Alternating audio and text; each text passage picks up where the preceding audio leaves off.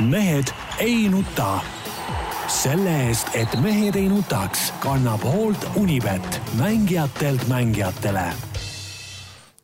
tere kõigile, kes meid vaatavad ja kuulavad, ükstapuha mis ajal ja ükstapuha millistest vidinatest. mehed ei nuta taas kord eetris, Tarmo Paju Delfist. tervist. Peep Pahv Delfist ja Eesti Päevalehest. tervist. Jaan Martinson Delfist, Eesti Päevalehest ja kõikjalt mujalt. Peep, sul olid äh, protseduurilised avaldused. ei, mul on, no võiks mul on... öelda isegi ma sissejuhatuseks siiski noh, lihtsalt hoiatan kõiki, kõiki meie kuulajaid-vaatajaid, et noh, kes tahavad, võivad võileibu minna tegema, et äh, siin on tegemist ühe väga ülesköetud äh, härrasmehega. ei, ei, ma nii ülesköetud ei ole, aga siiski, ei no üldiselt küll mind ajas nagu närvi täna kaks, äh, kaks asja, üks oli eile ja lihtsalt meil täna toimetuse koosolek tuli see jutuks ja siis, siis ma uuesti läksin närvi muidugi.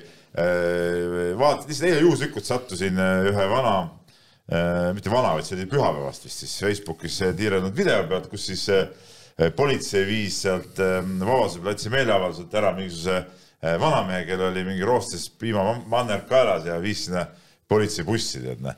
et ma ütlen, ma ütlen kõigepealt ära, et, et minu arust need meeleavaldajad on ka muidugi parajad veidrikud seal, et ma nagu mingeid meeleavaldusi tavaliselt ei, ei ole kunagi pooldanud ja, ja nii on, aga no kui meil on nagu inimesed tahavad meelt avaldada, las nad siis, las nad siis avaldavad, noh mis see, mis see politsei peab käima seal neid seal, maakeeles sõna otseses mõttes nagu kottimas ja mingeid, mingeid mehi kuskile bussi toppimas ja, ja mingi asjaga tegelema, et, et, et, et, et kurat, kas neil meestel midagi muud teha nagu ei ole, mingu püüdku mingeid mõrvareid või, või vargaid või, või muid pätte, tead, mitte ärgu tegelegu mingisuguse täieliku jamaga. Ja see on nagu politsei jõu tead, näitamine, tead, et, et me nüüd lähme sinna, mingid kiirreageerijad seal, mingid umbes kuulivestid seljas, mingid mehed seal maskid ees, tead noh, see on naeruväärne, see on see on, see on ju, see on ju lihtsalt debiilne tegelikult. aga kus sa, aga kus sa teistpidi nagu tõmbad selle joone, et kui meil riigis on, oota, oota, ei no, kui meil riigis on reegel hetkel, need kõvad piirangud, mis meil kehtivad, kes, mis, mingid poed peavad kinni olema, Kamaluga, seal, sealhulgas sinu armastatud ehituspoed on ju Äh, ja ka minu armastatutest viimasel nädalavahetusel kogesin, kogesin, ei no ei, keeldusin lõpuks ikkagi seismas seal luugi ääres. aga ühesõnaga, meil on mingi ports piiranguid, on ju, terve, terve hulk inimesi ja ärisid kannatab selle all ja nii edasi ja nii edasi. Ja muude, muuhulgas on see piirang ka see, et üle kümne inimese kogunemisi nagu ei tehta, on ju, nii. ja kui nüüd Terviseamet, politsei näevad, et nagu seda nagu eiratakse süsteemselt ikkagi, on ju. Mis nad siis, mis, mis, mis, mis siis nagu lahendus on, kas vaadata läbi silmade või öelda, et kui meil see piirang on, siis tuleb seda ka täita. No, kaks, kaks varianti on ju tegelikult. lahendus on siis see, et sa lähed mingisuguse jõu, jõujuurikatega, ma tean, mul üks tuttav on ka märulipolitseimees, ma endi, endine äh, meeskonnas äh, mängis mul, no see tõsine tugev mees, no ma küll ei kujuta ette, mis ta läheb nüüd mingid seitsmekümne aastased papid seal äh, ära, ära viima kuhugi politseibussi, see on naeruväärne kokkuvõttes. seal ei ole ma ei ole ühegi selle olukorra juures olnud, sina ka tegelikult. ei ole, ei päris. aga noh, aga ma kujutan ette, milline noh provotseerimine seal selles mõttes käib, et noh, ühel hetkel on sul tegelane, ta võib küll tudisev olla, aga ta lihtsalt nagu eirab seda, mida talle öeldakse näiteks. mis sa siis, mis sa siis teed noh? kas sa viid ta ära sinna bussiga või ei vii noh? ei no ta viidi bussi ja siis lasti välja, ma saan aru, et mannerga võeti ära või noh. muide. ei no selles suhtes, et see nagu, ei no okei okay,, see juhtub, selleks juhtumiks, aga minu arust ütleme, riik, riik ei peaks selliste politseijõududega äh, sihukese asjaga tegelema no.. et küsimus on pigem, küsimus on pigem, kas see see piirang, see vaba õhu kümme inimest. üldse see on debiilne piirang muidugi. kas see on nagu ja. põhjendatud või ei ole, on ju, kas see võiks olla lõdvem, ma ei tea, sada või tuhat või mis iganes inimest, et see viiruse levimine vabas õhus, noh, on selline nagu selle oht, noh, on selline üsna küsitav, ma pakuks ise vähemalt. aga kui see juba on kas siis peab vaatama riik sellele läbi, läbi nagu sõrmede, et seda nagu rikutakse noh, avalikult? no jaa, aga see ei ole proportsionaalne ju selle rikkumise raskusega, kas nalja teed või? no kuidas sa kontrollid seda siis või kuidas mida? sa nagu korraldad seda siis? no mida seda korraldada on siis, noh? no kui ta eirab su, ütleb, et no, politsei ütleb, et nii väike eiramine, see ei ole see, et no kus sa tõmbad need jooned siis? et ma panen äh, Martinsonile tead kuskil seal tungin kallale või või ma ei tea, riisun seal poodi või, või lõhun midagi või. Mis see, see mingi naljaasi ja mis hulluks olete läinud? Noh. oota, ma tahaks ka nüüd vahele öelda. tähendab e, esiteks ma no, ütlen. teine teema veel pärast. jaa, e, tähendab, mina ei saa nendest lapikmaalastest ei, aru. muidugi. oot, oot, oot, oot, Peep, Peep, asja nad sinna Toompeale ronivad, see ei ole ju koht, see ei ole koht, kuskohast tulevad piirangud. koht on ju need haiglad ja need kohvi, need koroonahaigete palatid, kus inimesed on seal, koroonat ei ole ju olemas. mida nad simuleerivad seal, miks nad seal vedelevad? tuleks sinna minna, rahulikult öelda, et, et mehed, lõpetage see voodis vedelemine, koroonat ei ole. ma olen sellega aga muide. Peep, teine asi. kui mina oleks kogu see mä-, märulipolitseinik, ma võtaks sealt mingisuguse kamba, võtaksin tõesti käed selja peale ja tõesti ja viikski sinna haiglasse. ja palun, minge, teil ei ole vaja maski kanda, sellepärast et noh, koroonat ju ei ole, kuigi see palatid ja kõik on ju koroonahaigust täis, minge vaadake nüüd, mis seal toimub ja mis te pärast seda ütlete, vot palun võtke sinna oma plakatid nende arstide ja nende haigete inimeste ette ja hakake seal lärmama, et koroonat ei ole. vot kui te seda teete, vot siis te olete no, vennad. Nad ei lärma seal ainult koroona vastu, ma olen aru saanud, seal käivad ka mingid, mingid muud, muud, muude mingite nende seaduste vastu, eks ole, mis aga okei okay,, ärme sellesse lähe. ma ütlen veel kord, see ei ole proportsionaalne ja see on täiesti, täielik jura, tead. muidu ma nõus muidugi, et need protestid ise on ka natuke siin metsa pool. nii, aga nüüd teine asi, teine asi. Marianne Mikko Äh, mingisugune, äh, mingisugune endine ajakirjanik, äh, mingi tühine eurosaadik või ma ei tea, mis asi ta veel on, on ta praegu või oli või ja, ja tema siis kirjutas, et, et mis jama see on, et ERR-is on saatejuhid kõik mehed, et miks ei ole naisi. mis asja, noh, mis te hakkasid ette kirjutama, kuule, me oleme ka siin kolmekesi mehed kuule, järgmine kord see, see napakas kirjutab ju siis äh, meie Soonvaldile, et kuule, et sinna kolmikusse tuleb üks naine hoopis panna, tead, noh. no sa nüüd, Peep, oma no. sõnavalikuga lähed muidugi päris kõvasti liiale. ei, ei lähe liiale, ma ütlen, et rahu, rahu, rahu, lolliks, tead, nii on. huvitav, et sa nagu nii kergelt nagu süttid. ei, sütti muidugi, lolluste peale ma süttin alati. poliitik, ilm on täis poliitikuid, kelle, poliitik, kelle tühisus, mitte poliitik. rahu, rahu.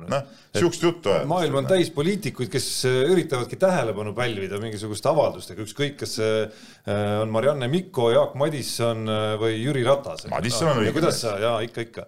et kuidas sa nüüd, kuidas sa nüüd süttid nagu ikka nii kergelt iga asja peale ja lähed nagu liimile? selle peale ma sütin küll, kui siukest kuidagi lollust aetakse suust välja, noh, täielikku lollust, noh. Eh, tähendab, ma, mul on hea näide ja mul on elu, elu lõpuni. lõika Martin Soni naiseks siis tead, noh. jah, elu lõpuni on mul meeles see, kui oli Pekingi olümpial, kui kui meie sõudjad, eks Hendrikson ja Jaanson poolsurnud vedelesid seal äh, maas, ei suutnud jalgu alla, alla saada, kõik nii. ja siis meil oli äh, kuulus Astrid Kannel, saadeti sinna intervjueerima, Tiit Karuks ja, ja kes see seal veel pidid olema, eks. pistab ni, mi, mikrofoni Jüri Jaansonile nina alla ja küsis, et aga kuhu kuld jäi, miks ainult hõbe? ja tead, ja tead, seal oli niimoodi, et, selle peale hakkas ju see Tiit, Tiit Karuk hakkas nutma. Vot niisugune on.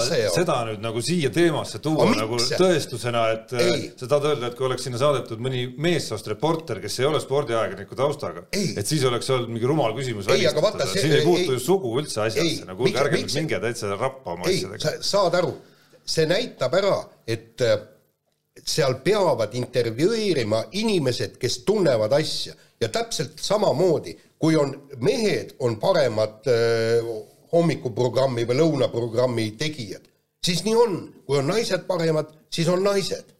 ei no, saa niimoodi. paremad, ega keegi ei palka, palka meelega ju, see, see on, teooria on õige, keegi ei palka ju ju soo põhjal meelega mingit kehvemaid. aga, aga see on spetsiaalselt. küsimus selles, kas ta on naine või mees, issand jumal. no ütleme niimoodi. selles, et oli terve valik reportereid, kellest, kellest seda intervjuud pandi tegema reporter, kes selles teemas ei olnud väga tugev. no jaa, aga, aga mikspärast, vot see ongi näide. Aet Süvari teeb minu arust väga häid intervjuud näiteks, mis puudutab jalgpalliülekandeid. jaa, ei, aga absoluutselt, vot sellepärast ongi. tema tehku tõesti jalgpalliintervjuud, mul ei ole selle vastu absoluutselt midagi, aga see, et, et, et nüüd nõu nõuda, et me vägisi paneksime naisterahvaid, olenemata sellest, kas nad jagavad teemat või mitte, vot see on see vale. Need, kes asja tunnevad, tehku intervjuusid. ma ei ole Marianne Mikko postitust muidugi näinud, aga ei, ma tuli... kahtlen, et ta, et ta mingeid kvoote nõuab kuskil. ei no ta, ei no ta, see tuli sellest, et, et, et kõik ERR-i saatejuhid on nagu meespaarid või noh, ütleme mehed, mitte meespaarid, vaid selles suhtes, et meessaatejuhid on, seda oli välja toodud seal need ja, ja et, et no. no samas mulle tundub, et ei ole, esiteks, ma ei tea, Marko Reikop ja Grete Lõbu. ei, seal vist rohkem puudutas raadioid ka, eks ole, raadio, raadioteemat et, et no see on, see on ju lollus ju noh. no kui nii on, siis on. no on nii ja siis on noh, ja seepärast ma ütlengi, et sihukest rumalust tegelikult ei tohiks inimesed üldse nagu välja suust ajada. noh, täiesti hajuv jutt noh. nii, nii, kas läheme spordi juurde? mul on spordis ka täna palju öelda. Noh. no sa oled jah üles köetud, nii äh, korvpall, Kalev Cramo võitis mingi Kükametsa karika kõik olid jube rõõmsad ja mulle tehti selgeks, et, et, et see karika sellepärast Nõukogude Liidu meistriks tulekut üheksakümmend üks oli, oligi järgmine, noh, nagu ma Peebule ka ütlesin, annaalidesse see ei lähe, mingi Eesti-Läti ühisliiga, kui sa võtad kümne aasta pärast, võtad lahti näiteks selle kogu selle nii-öelda medalistatistika, see ei kajastu seal kuskil, liidu tšempionat kajastab, aga mis asja, mis asja sa on, võta Sport kakskümmend neli lahti. selles suhtes on Jaanil muidugi õigus, et liidu kuld oli ikkagi nagu ühe riigi äh, tšempioni tiitel. Eesti-Läti liiga on noh, mingi noh, sihuke tore, tore moodustis, aga see ei ole see ei ole, see ei ole riigi no, tšempion, küll aga see ei puutu muidugi, ei, see ei puutu nagu selles suhtes küll asjasse. selles suhtes ma ei ole nüüd nagu Tarmoga nõus. et noh, tegelikult asi oli kõva, et, et äh, see nädalavahetus seal, mis ma, ma veetsin seal ka neljapäevast pühapäevani Riias et see oli nagu väga-väga kõva, kõva asi, ütleme, seal oli väga head korvpalli nägi esiteks, ütleme kodumaise eh, taseme niimoodi võrdluses väga head korvpalli. et, et eh, noh, nüüd me hakkame nagu otsast pihta, eks ole, et, et kõigepealt eh, juba need neljapäevased veerandfinaalid, väga huvitavad mängud olid, eks ole, kõik see Pärnu lagunemine, Rapla vägev võit Ventspilsi üle, noh, väga-väga uhke ja, ja vägev, eks ole. pluss siis äh, no poolfinaalid, no võib-olla ütleme, poolfinaalide päev oli võib-olla kõige ebahuvitavam, kuigi seal ütleme, see Ogre ja VEF-i mäng oli, oli ka päris, päris pingeline, seal loomulikult tervitan siinkohal Alex Talisainenit, meie eestlasest kohtunikku, kes selle mängu lõpu seal muidugi ära käkerdas ja ma talle ütlesin ka seda, et, et noh, seal nagu vilistas lauavõitluses äh, vea, mis noh, oli ka võib-olla viga, aga mida sellisel hetkel ei võeta, vaata. kui seis on viigis või on punn-punn, seal on viimane minut, siis tuleb lasta mängul otsustada mitte et kohtunikud tõusevad esile ja oma vilega hakkavad otsustama neid asju ära. nägid seda olukorda, Tarmo või? noh, oled minuga nõus või? no nii ja naa. noh, kuule, nii, siis sulle... ma arvan, ma arvan, et sa sulle..., sa räägid ikka väga palju asjadest, nii nagu sa räägid Mikost ja nendest poliitikute nagu nii-öelda nagu intrigeerimiseks mõeldud avaldustest, et need tekitaks kõneainet, noh, ainult selle järgi, et kui see arvamus sulle sobib, siis on see õige ja kui ei sobi, siis ei ole õige. no no,. sa samamoodi vaatad nagu neid olukordi samamoodi, et kas see on oma meeskonna poolt või vastu. ei, mitte selles suhtes, ma tahtsin küll, et VEF ja Kalev oleks finaalis, aga eh, sedasi asju lihtsalt ei otsustata, see on nii, nii ongi, seda ütlesid ju kõik teised, kõik, kellega ma seal rääkisin, kõik olid sama meelt tegelikult ju. Ka Toomas Annuk ütles ühes minu intervjuus pärast sedasama asja ja, ja nii ongi, kõik, kes nagu korvpalli tunnevad, Tarmo, need arvavad samamoodi. aga no siis ja, ja loomulikult ütleme, see pronksimäng ja finaal, et, et, et minu arust nägi ikka ikkagi ütleme kohalikus mõttes suurepärast korvpalli. no kõige suurem heameel muidugi on lõpuks ikkagi selle üle, et noh, noh, Kalev Cramo võitu ei saanud mingiks tohutuks triumfiks lugeda, onju. Noh, ma arvan, mingis mõttes on selles ka annust sellist nagu noh mingi karmavõlg sai nagu ära kustutatud, et noh, mingis mõttes oli natukene nagu, ma ei saa öelda, piinlik on võib-olla liialdus, aga, aga võib-olla selline nagu väike iluviga oli Kalev Cramo teenistuslehel ikkagi nagu olemas või klubi sellisel auhinnakapil, et et see, ütleme, Balti liiga, Eesti-Läti liiga seal teljel kuskil oli nagu mingisugune saavutus võib-olla puudu ikkagi. et, et see väike veakene sai nüüd parandatud ja see on, ma arvan, ka üks põhjuseid, miks see asi nii korda läks tegelikult meestele, et et minu arust oli nagu üks selline nagu värskendav sõõm oli kogu see nädalavahetus selle veidra poolteise aasta või, või aasta nagu vahelduseks, kus me siin eelmine hooaeg jäi üldse katki, on ju, siis sel hooajal tundus algul, et noh, päris, päris äge on see kodune värk siin on ju, saab asjad korraldatud koroona kiusta ja, ja täitsa huvitavalt suudavad Eesti klubid siin omavahel mängida ka, eks noh, mida edasi kuu, siis seda selgemaks sai, et noh, enam polnud mingit vahet, kas täna õhtul on vastamisi Tarvas ja Pärnu või, või Rapla ja Tartu on ju, et kõik see kuidagi noh, see kõik oli noh, kuidagi nagu täiesti tähtsus kuidagi kadus ja selline oskus ja võime õhinasse sattuda, et täna õhtul tuleb üks selline mäng jälle, et viiendat või kuuendat korda see nagu haihtus kuidagi. pluss kogu see nagu see VTB liiga on üks ülikõva asi, et Kalev seal mängib, aga ka seal natukene need autotoorid, permid, kõik need natukene nagu lahustuvad, onju. et selles mõttes oli nagu äge siukest teistmoodi vastast saada endale äh, kaks, kaks esiklubi Eestist ja Lätist, panna vastamisi, seda enam, et Riia VEF on sel hooajal veel meistrite liigas hästi mänginud ka, et see kõik lisas sellise nagu annuse kaalu minu arust sellele nädalavahetusele ja, ja tõesti oli nauditav nädalavahetus ja tundub, et Robert Stelmachersil olid seal veel mingid omad omad teemonid ka, mis oli tal vaja nagu üle saada. ma ei välista, et see Läti koondisega ebaõnnestumine ja kõik see aeg, mis on, ma kujutan ette, hingeliselt ikka väga raske olnud Stelmachersile. kujutad ette, sa Läti koondise eesotsas põrud sellisel moel, et noh midagigi on nüüd nagu, tuli nagu kaalukausi teisele poolele talle. no ütleme, need ei ole küll võrreldavad asjad, ütleme Läti koondis ja, ja, ja klubiga võidad. ja, ja aga isiklikus plaanis ikkagi. No, isiklikus plaanis kindlasti ja, ja teine asi on see, et, et noh, eks äh, Riia VEF-i alistamine kui selline, ütleme ta lätlasena oli ka tema jaoks äh, väga oluline, nii nagu ta ka, ka ise seda ütles, aga, aga kui me seda finaalist nagu räägime, et noh, siis tegelikult ütleme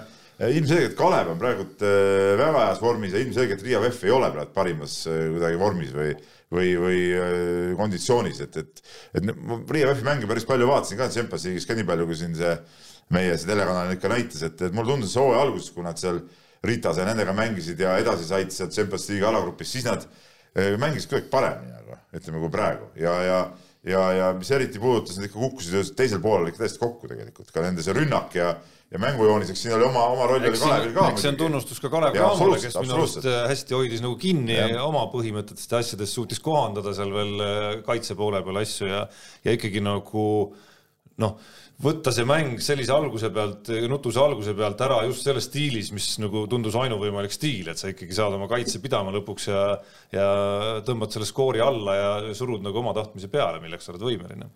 ja no äh, seda küll, aga ütleme mis, mis mulle veel silma hakkas, noh, siin ütleme, sellest finaalist võib-olla ongi nagu, nagu räägitud äh, palju, aga, aga nagu tervikuna, see on nagu huvitav, huvitav äh, asi, nagu mulle tundus, et, et okei okay,, et ütleme, tippklubide omades veitsuses jah, ütleme, Kalev oli seekord parem, aga tervikuna ikkagi äh, see Läti nii-öelda nende klubide või no ütleme, noh, me võime need Ogred, Ventspilsid, noh, me võime need lugeda niisugusteks nagu keskmisteks klubideks tegelikult, noh et neil ongi üks tipp ja ülejäänud on niisugune keskmikud kõik.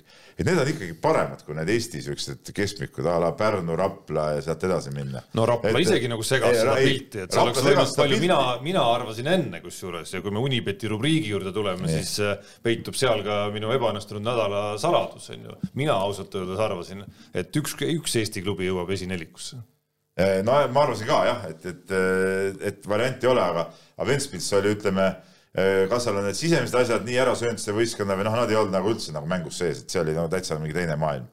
küll aga võtame selle Ogre, siis ütleme, niisuguse kvaliteediga võistkonda Eestis teist ikkagi ei ole nagu vastu panna. see, et nad okei okay,, seal lõpus Raplal ainult kahega võitsid, see on, see on üks asi, aga ütleme näiteks see poolfinaal, VEF Ogre oli ikkagi kvaliteedilt ikkagi väga hea korvpall ja siin ja selle taustal vaadata nüüd seda, et Pärnu Ogrele kaotas, no ma ütlen, et äh, aga miks nad oleks pidanud võitma üldse ja, ja mis mulle veel nende meeskondade juures meeldib, on see, et kui ütleme, meie need klubid äh, tuginevad ikkagi, noh, Pärnus on kolm välismaalast, Raplas on isegi neli välismaalast, eks ole, siis äh, Ogres üks, Ventspilsis oli ka vist üks, kui ma õieti mäletan, et, et ikka mängivad omad Läti mehed ja, ja, ja ja, ja see, kuidas nad seda mängivad, see näitabki nende, nende, ütleme, see Läti äh, Eh, kogenud mängijate põlvkonna tase ja kvaliteet on ikkagi, ikkagi tunduvalt kõrgem kui ütleme, niisuguste Eesti, Eesti tavaliste mängijate tase ja kvaliteet, mitte koondise mängijate kvaliteet, ütleme. noh, siin on, äh, mulle tundub nagu mõtlemise koht just Rapla ja Pärnu-suguste klubide jaoks, kes tunduvad võib-olla ambitsiooni oh,, ambitsioonikamad kui mõned meie meistriliiga tagumise otsa klubid, et noh, Pärnu räägib siin eurosarja minekust ja, ja Rapla üritab kehtestada ennast siin sellise noh korvpalli pealinn, no mingis mõttes isegi üritab, eks ole, siin on räägitud, et Eesti korvpalli kuulsustall võiks Raplas olla ja nii, ja nii edasi, onju. et äh, mõnes mõttes, et, et mõlema kasvuvalud tulid nagu hästi välja ka, et noh, Pärnu on nüüd kaotanud siis kaks tähtsat mängu sellel hooajal, kaks nii-öelda play-off'i mängu ja, ja Heiko Rannulal ilmselgelt on päris kõva peeglisse vaatamise hetk, et mismoodi siis ikkagi Eesti mõistes täitsa korraliku ja ma väidan, et ka Ogre ja Ventspilsile vastu pannes nagu täitsa korraliku koosseisuga, eriti nüüd, kui Kristjan Kangur ka juures on. Eh, koosseisuga ei ole õnnestunud, eh, ei õnnestunud ka nüüd nagu seda võitu kätte saada. ja noh, teisest küljest Rapla, kes mängib sellise noh on saanud väga vinge algkoosseisu kokku, aga noh, me räägime sellisest kuue-seitsmemehelisest äh, tuumikust, noh siis sellise sügavusega päris keeruline nagu tervet hooaega mängida ikkagi äh, edukalt ja, ja mingid tiitlid või vajalikud võidud ära vormistada õigel hetkel. no aga Pärnul on sama asi, see oli näha, et kuidas Rannula ju mängitas seitset meest ainult seal veerandfinaalis, okei okay,, kaheksa mees, Hugo Toom käis korra teisel poolajal mõned minutid ja no ütleme, see ei olnud väga hea vahetus. et, et tegelikult see Pärnu seis on ju sama et tal ongi, ütleme seal seitse meest, ütleme kasutada, keda ta usaldab ja teisi meid ei usaldanud, samal ajal ütleme see, sama see Ogre selles mängus, see rotatsioon oli hoopis, hoopis teistsugune ja käisid igast mehed ja kõik täitsid oma, oma selle rolli ära, et, et, et selles suhtes ma ei ole sinuga nõus, et kui sa ütled, et, et Pärnu on komplekteeritud sama hästi kui, kui Ogre, no järelikult ei ole siis nii kvaliteetne. paremini kui Rapla, ma tahtsin pigem nagu paremini kui Rapla, jah. aga no seda on ka kogu aeg näidanud, eks ole. aga, aga, aga järelikult ei ole siis ja, ja, ja ma ütlen veelkord, et, et, et Rapla kasuks pronksi mängus rääkis see, et Ogre mängijad ikkagi, seal on ju see tuumik on kõik kolmkümmend pluss. seal on no see Sirsins, kes, kes on üldse kogu meeskonna A ja O ja aju, kolmkümmend viis, põhitsenter, see Bosniaks kolmkümmend seitse vist ja, ja nii edasi, eks ole, et seal on nagu, nagu kõik vanad mehed, välja arvatud siis Rodrigo Purmeister, kelle vastu me Keilaga oleme Eiblit mänginud, kaks tuhat aasta poiss seal, see ainsa noorena silkas seal vahel ringi. et, et, et nende jaoks juba nelja päevaga kolm tihedat mängu oligi palju ja neil oli, no ütleme, see mäng oli ka ju, ju pühapäeva suht varajaselt, varasel ajal, et et, et, et see aitas Raplale võib-olla natuke kaasa seda pronksi mängu tihedamaks ajada.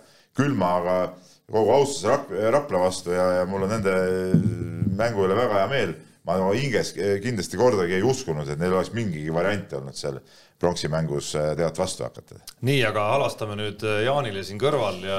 mis sa siin. ei, väga huvitav, ei väga huvitav jutt oli. ja läheme ja vahetame teemat ja räägime Heiki Nabist, tema dopinguloost ja sellest, et nädal on toonud siis arenguid, on käidud avamas B-proovi, on saadud teada, et nagu üldjuhul see asi on, ka selle tulemus oli sama, mis esimesel ehk et äh, positiivne äh, ja on selgeks saanud siis, mille peale Heiki Nabi ja tema kaitsjad äh, on rajamas oma kaitsetaktikat kogu selles loos, ehk siis küsimus on selles, et keelatud aine letrosooli kogus tema proovis oli siis tema kaitsjate sõnul liiga väike, null koma kuus, mis tähendab nanogrammi milliliitri kohta, jah.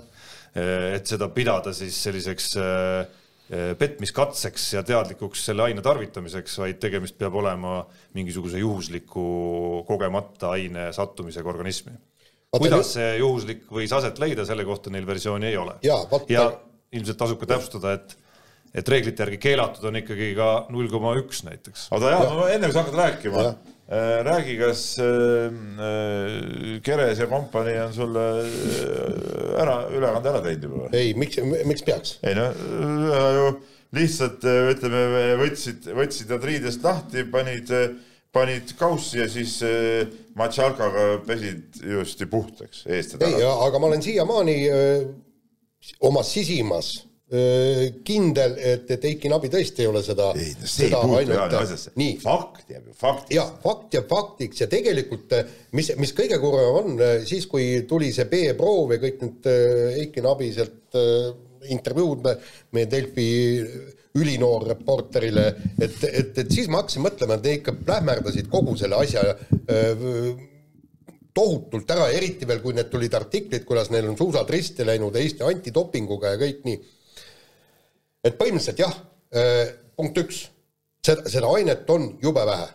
nii, äh, äh, nagu öeldakse, et poolestusaeg on, et võib-olla ta võttis suurema koguse ja nii vähekene on ainet alles jäänud. selleks on olemas juuksekarva test, mida, mida annab teha, mida WADA ega Eesti antidoping ei tunnista. kuid mis näitaks ära, kas on varem, varem võetud suurem kogus või mitte. aga mis, mis nüüd tehti, praegu on käes, mis, aprill millal dopinguproov võeti, jaanuar oli vist yeah.? nii, juuksed, karvad kasvavad kõik ja nüüd öeldakse, et kolm kuud on juba liiga hilja seda testi teha. kus te, kus te kallid mehed varem aga mis sa arvad, et siis see dopinguproov selle asemel, et, et purki pissida, eks ole, peakski olema, et käid juuksu juures ära ja, ja võtame sealt hoopis, et saab kindlama asja. ei, põhimõtteliselt nad, ma olen seda teemat natuke arutanud, jah, nad proovivad praegu tõesti läbi suruda ja nad ütlevadki tõesti, et teatud ainete puhul ja just see letrosool on üks nendest ainetest, on, annab, juuksekarva test annab parema tulemuse. aga, aga sellepärast, et sealt sa saad ajas tagasi minna. juuksekarvast saad ajas tagasi minna et kas sa oled varem ka seda tarvitanud, kui suures koguses kõik, kõik see. ja kui kaua sinna tagasi saab minna no,? ei, nad, ei, nad, ei, nad räägivadki, et, et pärast kolme kuud enam ei ole see asi juba enam nii. juuksed kasvavad üks sentimeeter kuus, kui me va vaatame juukseid, eks Nabil siis ütleme niimoodi, kuu jagu on seal võib-olla peas. no okei okay,, kehakarvu on, on teisi ka, et, et mis võivad, aga no kuulge, nüüd on juba neli kuud sellest, sellest ajast mööda ja minu meelest oli, oleks kogu nagu, nagu see ei advokaat. kes see naad on nüüd praegu? täpsusta nüüd ikkagi. oota, mis mõttes naad? sa ütlesid naad nagu äh, sa heitsid piigi või kivi kapsa ja viskasid nendele, kellele täpsemalt? ei no seal, seal on Eiki Nabi pluss tema, tema tiim ja, ja, ja, ja ausalt öeldes no kogu see tiim ei saa aru, kuidas see asi töötab. nii, kõigepealt nad lähevad tülli antidopinguga. see oli kõige suurem viga, et Paul Keres alustas suhtlust Eesti antidopinguga ütleme nagu jõupositsioonilt ja, ja, ja, ja, ja koheselt ütleme siukses nagu, nagu üleolevas toonis ja, ja, ja. no võitlevalt ütleme. no see ei olnud isegi võitlevalt, vaid vaid see oli nagu, nagu valest positsioonist ja vale suhtumisega alustatud äh, äh, suhtlus. ja sellega ta juba ise tõmbas juba sellele kogu sellele äh, teistpidi suhtumisele nagu vee peale, sest alguses, olgem ausad, esimestel päevadel antidoping oli ju väga toetav tegelikult Nabi suhtes ju. vaata, kui see uudis välja tuli, sai kõik räägitud jah, ja Nabi ise oli ka, et, et noh, siin teeme koostööd ja vaatame. aga nii kui see advokaat mängu tuli, eks ole, nii kohe oli laul oli teistsugune ja sealt hakkas asi nagu kiiva kiskuma ka. võib-olla oleksid asjad lahenenudki hoopis palju, palju paremini, oleks võib-olla palju kiiremini kõik jõudnud need asjad ära teha, see B-proov avada, karistus kätte. Äh, võib-olla polekski saanud, ei tea, mis suurt karistust, kui oleks öeldud, et no tead, et mina ei tea ja, ja, ja kõik. absoluutselt, just, täpselt. palun vabandust, ma olen, no ja nii ongi, mina ei tea, kus ma sain selle. ja, ja, ja kas te tõesti aru ei saa, otsuse teeb Eesti Antidopingu Distsiplinaarkomisjon. ja kui sa lähed ja tõesti sinna ütled, tõesti, vaadake, mul on nii vähe, seda on tõesti vähe, nii, mul on tehtud juuksekarv teist, selge see, et, et, et, et see ei ole tõestus, seda vada, vada ei tunnista, aga selle testi järgi te saate näha, et mul ei ole varem, varem selle ainega pistmist olnud, seda ei ole suuremas koguses olnud, nii, ja siis otsida veel neid võimalikke materjale ja teha näiteks ära uuring, et nagu nad räägivad, eks, et, et kui sa oled keha vastu keha äh, maadled inimesega, kes on letrosooli tarvitanud, kas tõesti, kui me, kui me meenutame seda äh, Andrus Veerpalu äh, dopingu case'i, kus kõik Eesti teadlased hakkasid otsima võimalusi ja tegema igasuguseid analüüse, teste, miks samamoodi ei mindud teadlaste juurde, öelge, kas te saate teha mingisugusegi testi? Kas on võimalik, et, et, et nii-öelda higi kaudu saan mina selle nii-öelda letrosooli endale?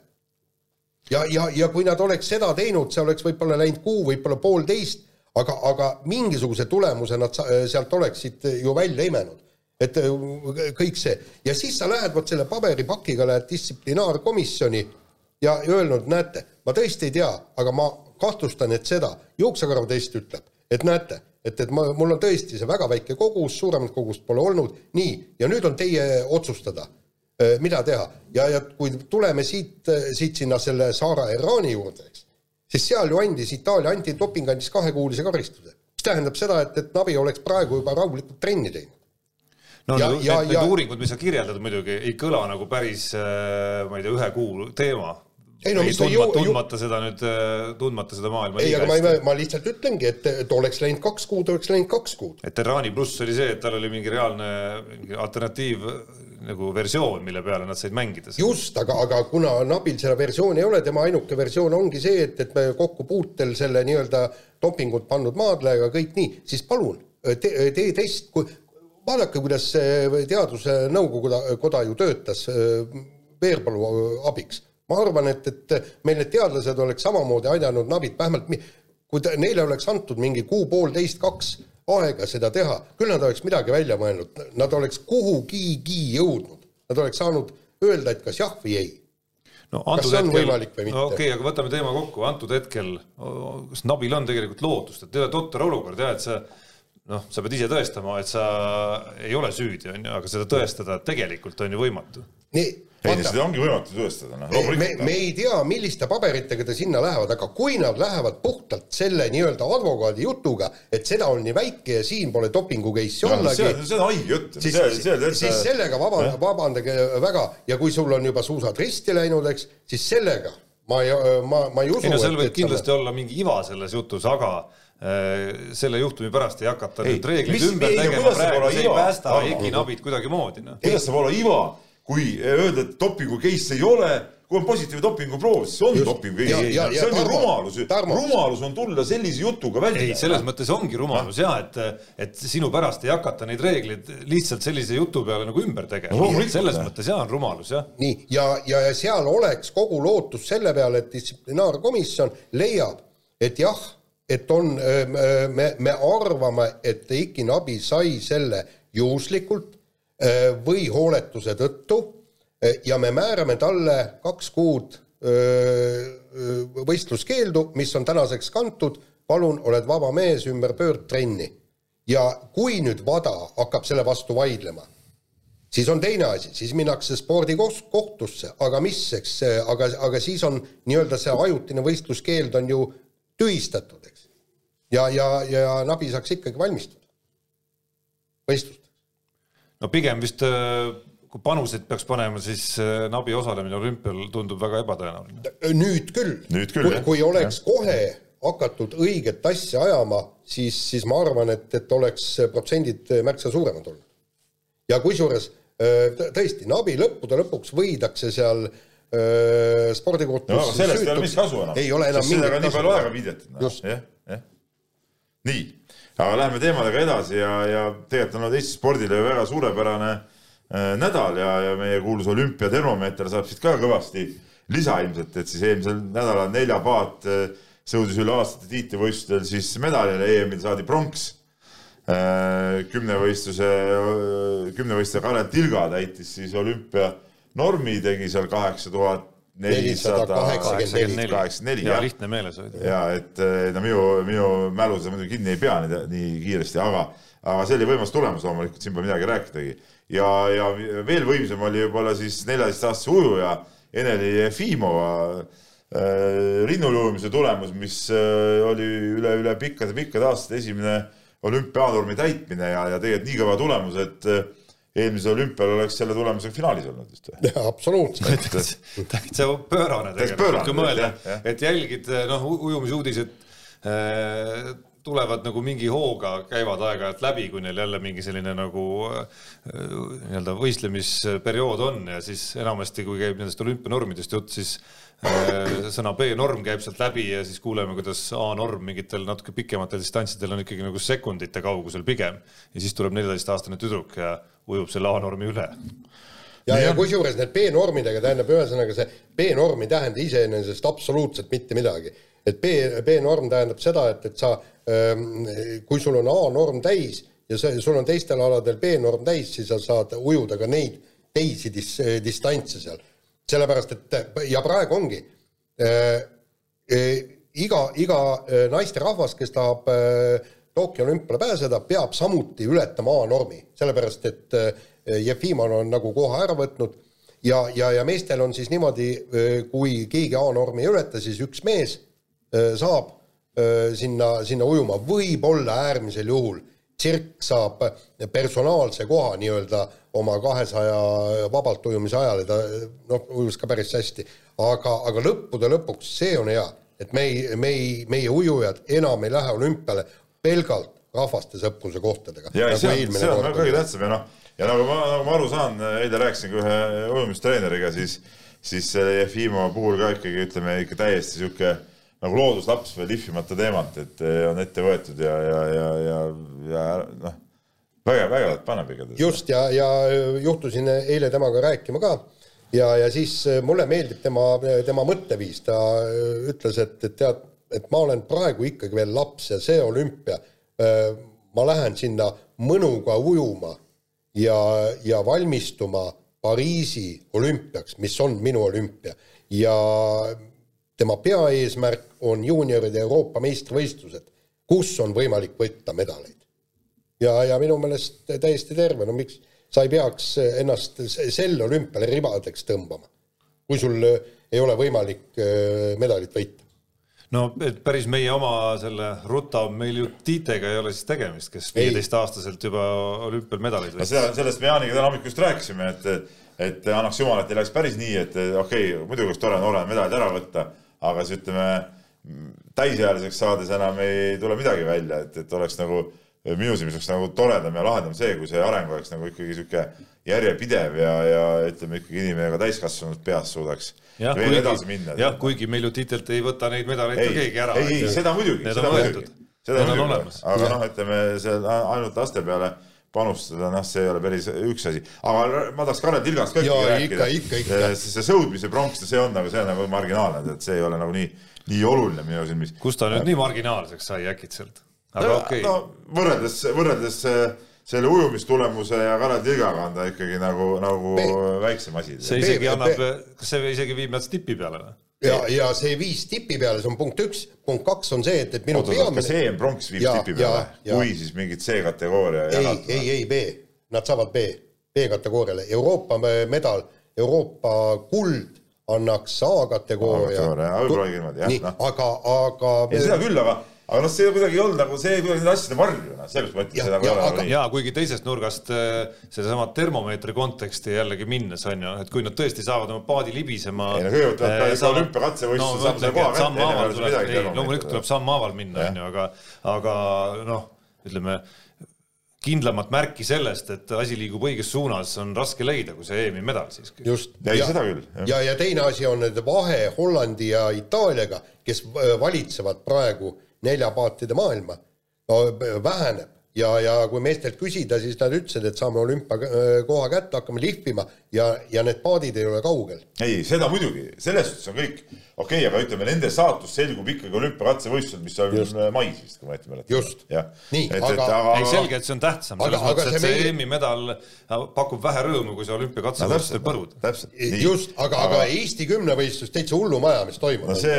ütleme jah, see, see on tõesti hullumajamist toimub, et et neid häid tulemusi tuleb, tuleb nagu uksest ja aknast ja, ja, ja see Karel Tilga sooritus nüüd lööb, ütleme selle olümpiale pääsevate Eesti kümnevõistlejate konkurentsilati ikka nagu täitsa lakke juba, tead noh.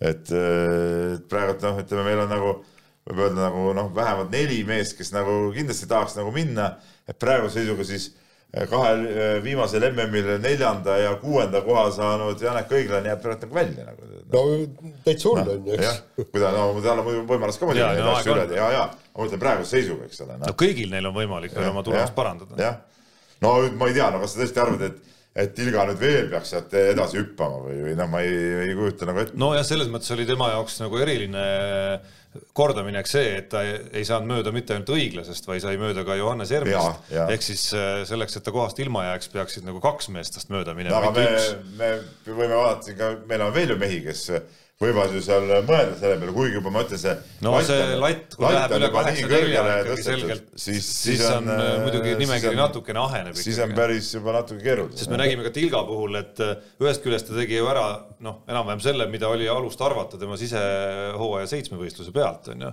ja ega see kümnevõistluse seeria, mis ta tegi, ei olnud ju mingi selline seeria, kus ta, ma ei tea, oleks kaheksa isiklikku rekordit püstitanud ja, ja kuidagi nagu liikunud äh, mingi, mingi nagu müstilise füüsiliselt vägevasti kogu aeg seal, et ta, tal, et tal, tal ei olnud nagu selline võistlus, kus ta oleks pannud nagu ideaalkombo kokku seal, et selles ei, mõttes. sinna ligilähedalgi mitte. selles mõttes on tal potentsiaali teha juba sel aastal kindlasti ka üle kaheksa tuhande viiesaja punkti kindlasti. ja, ja kusjuures ainult üks suur isiklik rekord, eks, tuhat viissada. ja siis veel oli üks, ühe rekordi ta tegi veel, eks see oli napilt, on ju, üks, ühte rekordit korda kauguses ja, ja ühte rekordit vist kordas ja, ja odaviskes jäi, vaata kui palju punkte, üle seitsmekümne meetri mees on ju, mis ta oli, kuuskümmend neli seal. ei, selge see, et reservi jääb, aga, aga no mitte sugugi alati no, ei, ei saagi loota, et sa teed kõik, paned selle kümnevõistluse niimoodi kokku, et sul ongi kõik rekordid tulevad ära, et see, see reservi jäi, aga noh, ütleme. aga arvestage, et mees on ainult kakskümmend kolm. ehk siis tal on, tal on veel põhimõtteliselt võimalik kolm, kolm olümpiat teha. jaa, aga noh, kui noh, seal on ju mitu müstikat, et esimene neist on see, et äh, sisuliselt ju Karel Tilgal jäi ümmarguselt kaks aastat äh, lõigati ju tervise tõttu karjäärist nagu välja, onju.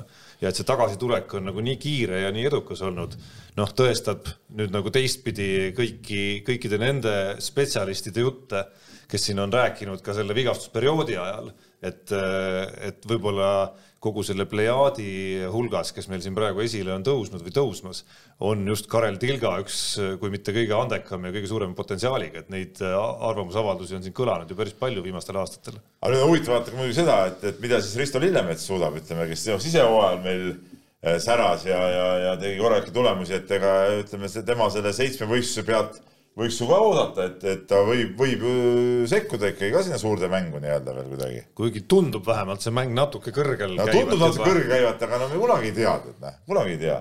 ja noh, kokkuvõttes on ju nii, et nagu ka see, see sisehooaeg näitas, et meil oli nagu tegijaid küll, keda EM-ile saata, aga lõpuks oli eh, Lillemets ainus, kes sai seal võisteldud. et, et see mitmevõistlus on on nagu ta on, eks ole, et, et äh, see on. hea, et, hea, et meil on nii ja, vägev plejaad, et, et üks on vigastusega väljas, siis on asendaja kohe varnast võtta. noh, ja mis äh, teistpidi hakkab silma nagu mingite killukestena on ka see, et ega nagu rahvusvaheline pilt või konkurents kümnevõistluses ei ole ka üldse mitte hõre, et noh, praegugi Karel Tilgal seal noh, ma usun, et enamike, enamike jälgijate jaoks suht tundmatu nimi, noh, suht napilt küll kaotas Tilgale lõpuks, aga aga tegi ka sinna kaheksakümne tuhande neljasaja viiekümne ja kaheksakümne tuhande viiesaja vahele ja ei teinud kaugeltki mingisugust ideaalset võistlust enda kohta, enda võimeid ja isik, üksikalade rekordeid arvestades, et et seal on tegelikult päris segane see seltskond, et neid kaheksa viie kandis potentsiaaliga ja, ja sealt natuke võib-olla peale potentsiaaliga eh, konkurente on veel eh, päris omajagu, lisaks sellele, et seal ees on sul Maier ja, ja Kaul ja, ja sellised mehed. Warner. nii on. nii, aga laseme nüüd kõlli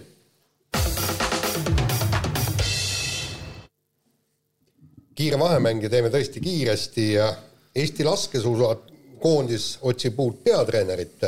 Indrek Tobreluts noh, mina ei oska öelda, kas ta vedas välja või ei vedanud välja, aga ta lasi ikkagi tekkida kahel leeril, kes omavahel noh, kas nad omavahel tülis on, aga kes on rahulolematud ja, ja üldiselt selgub, et, et, et see asi ikkagi ei toimi. no ütleme nii, et ta ei suutnud nagu seda tiimina nagu koos hoida, seda koondist, et see oli tema kõige suurem viga, aga see on nagu huvitav muidugi, et et enne seda, kui see uudis tuli, et otsitakse uut peatreenerit, ma rääkisin mõni päev enne seda vist oli, rääkisin alade presidendi Assar Jõeperega ja siis Jõeper ütles, et ei no olümpia-aasta tulemas, tegema siin mingeid suuri muutusi ei tee ja ja no siis me siin natuke arutame ja, ja siis läks paar päeva mööda, siis ta oli, et ei, otsime uut peatreenerit, et et see sihuke, sihuke meelemuutus oli, oli, oli päris omapärane, aga aga jaa, kui nüüd vaadata tagasi sellele, selle laskesuusa koondise tegemistele, siis äh, siis äh, ikkagi ütleme selles suhtes Dobrelutsu jala saagis läbi just see, see manööverdus, et toodi see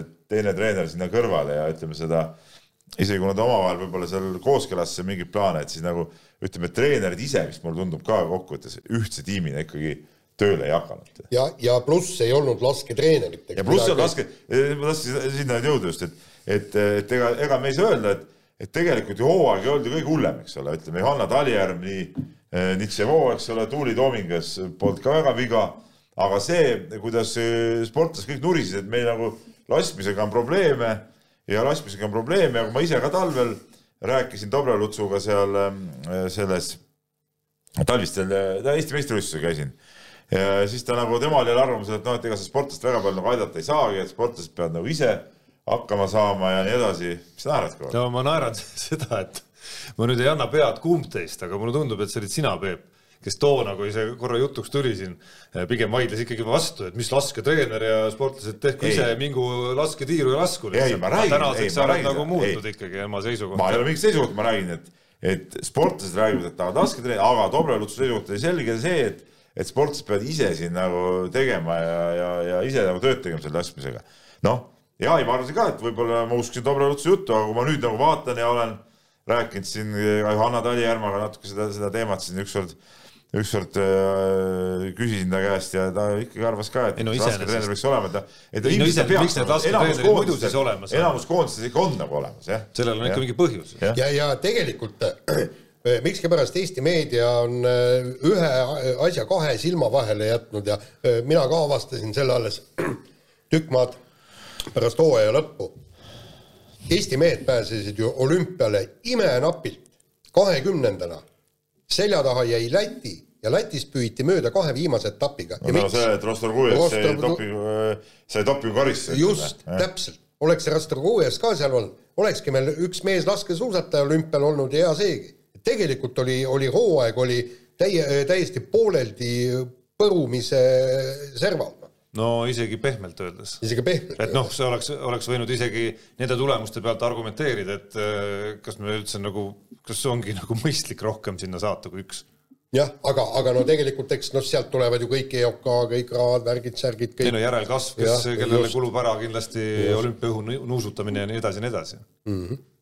Vahetame teemat äh, ja viskame õhtu, õhku nüüd küsimuse meie nii-öelda rallispetsidele mida siis Ott Tänak näitas Sanremo rallil? no stuudios on üks nii-öelda rallispets ja üks päris rallispets ja, ja ma ütlen selle peale siis nii, et et ütleme, meile ta ei näidanud mitte midagi, meile ta ei mitte midagi, küll ta näitas kindlasti Ott Tänakule endale väga palju ja, ja kusjuures ega siin midagi muud eriti arutada nagu ei olegi tegelikult. ei, absoluutselt, seal ongi, mida nad põhiliselt, nad said ju esimest korda Pirelli rehvidega sõita asfalti. jah, nagu võistlusoludes. võistlu, võistlusoludes ja, ja, see oli ikka, selles mõttes on ta koomiline, kui see WRC autod lähevad sinna väikestele rallidele esialgu ei tulnud üldse nende aegugi ja siis kõik ei, teevad... see, et nende aegu üldse kätte saada, selleks tuli ju mingeid imenippe kasutada, et mis seal siis doktorid kuskil... ei saanud nagu ei, ei, äh, liiga kiireid autosid avalikus selles otseses andmebaasis neid nagu ei olnud.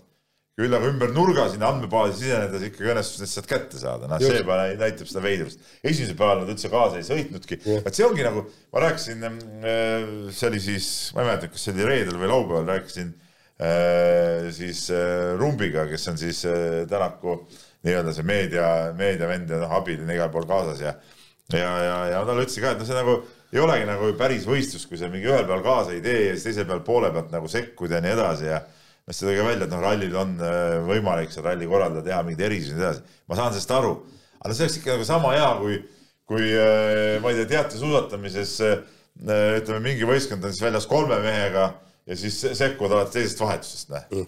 no, no pallimängudes sa tead, on ju suletud uste taga neid äh, ei, no, selliseid, selliseid äh, treeningmänge näiteks. aga see ei olnud treeningralli ju.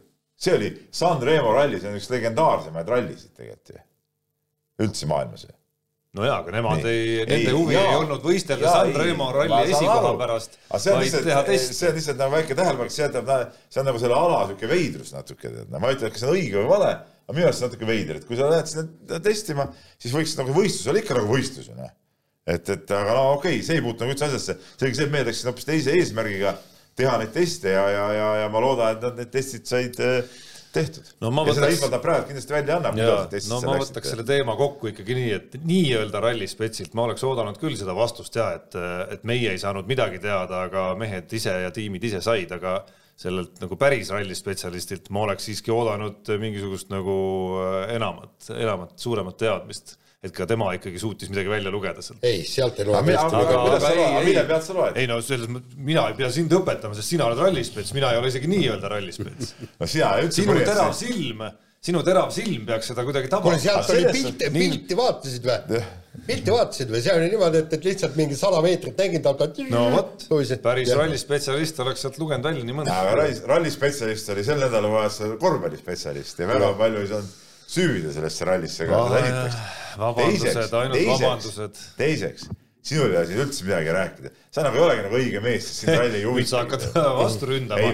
selle asemel, et tõestada oma nagu rallispetsi staatust. sa oled kogu aeg nagu öelnud, et et põrinad sind ei huvita. ei, mis sa, ma ei vaidle vastugi sellele, ma ise ütlesin, ma ei ole isegi nii-öelda rallis. aga kas see on õige mehe tunnus või? aga Peep aga kas see on õige mehe tunnus või? küsimus, küsimus jääb ikkagi, et sinu rallispetsi selline kuvand praegu minu silmis vähemalt sai löögi ei, ma küsisin kõigepealt, kas see on õige mehe tunnus? ei no ma, ma ütlesin oma mõtte, ma ütlesin oma mõtte ju lõpuni.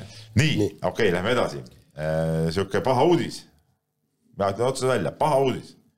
Pekingi ja Pariisi olümpiamängu teleõigused sai taas Kanal kaks ja ma ütlen, ma ütlen, rõhutan, see on väga paha uudis. ja mitte sellepärast, et seda sai.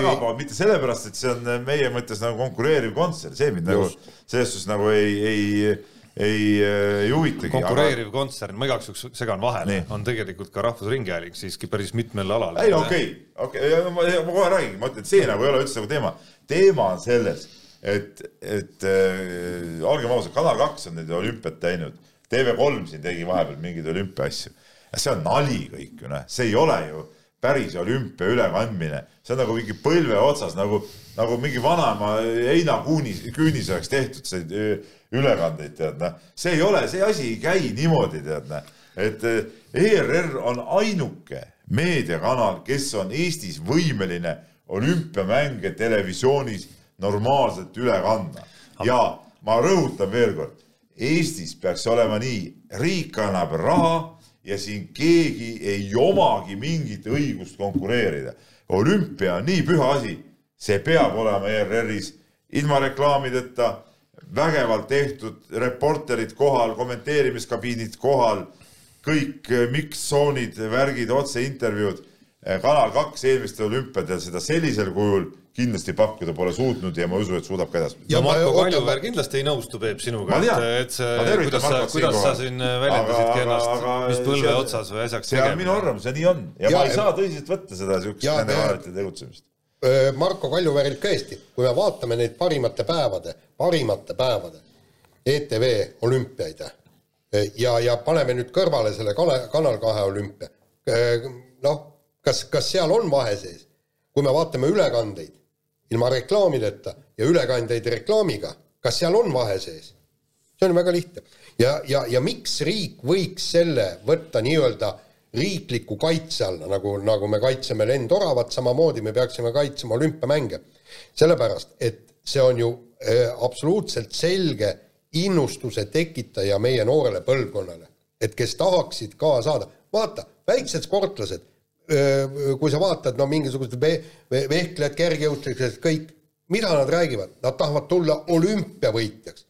Nad ei taha, kui, kui sa küsid neid, vaata no, need see teeb ma ei ole nüüd kindel, et, et see nüüd nii valdav on aastal kaks tuhat kakskümmend üks. tohoh, tohoh milleks nad tulla tahavad sinu arust? no ma ei tea, saada NBA, saaks vehklejatest. ei, ma räägin, ma räägin nagu üleüldse, no NBA-sse jõuda, jalgpallimeistrite liigasse jõuda, kuhu iganes. sa räägid aladest, kus meil ei olegi võimalik olümpiavõitjaks tulla. just täpselt. no see on ju demagoogia, mis sa praegu ajad, Tarmo, noh. see on ju täitsa, jumal küll. no rahune vana.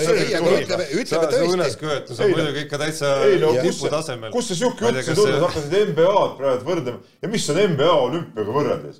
Tühisus. ikka, ikka. tühisus. absoluutselt. nii, ja, ja, ja see ongi ju tegelikult ilustatud, kui palju meil on päris neid... sport on ikka olümpialine. just, kui palju ja, meil on korvpalli ei mängita seal teadupärast, jah.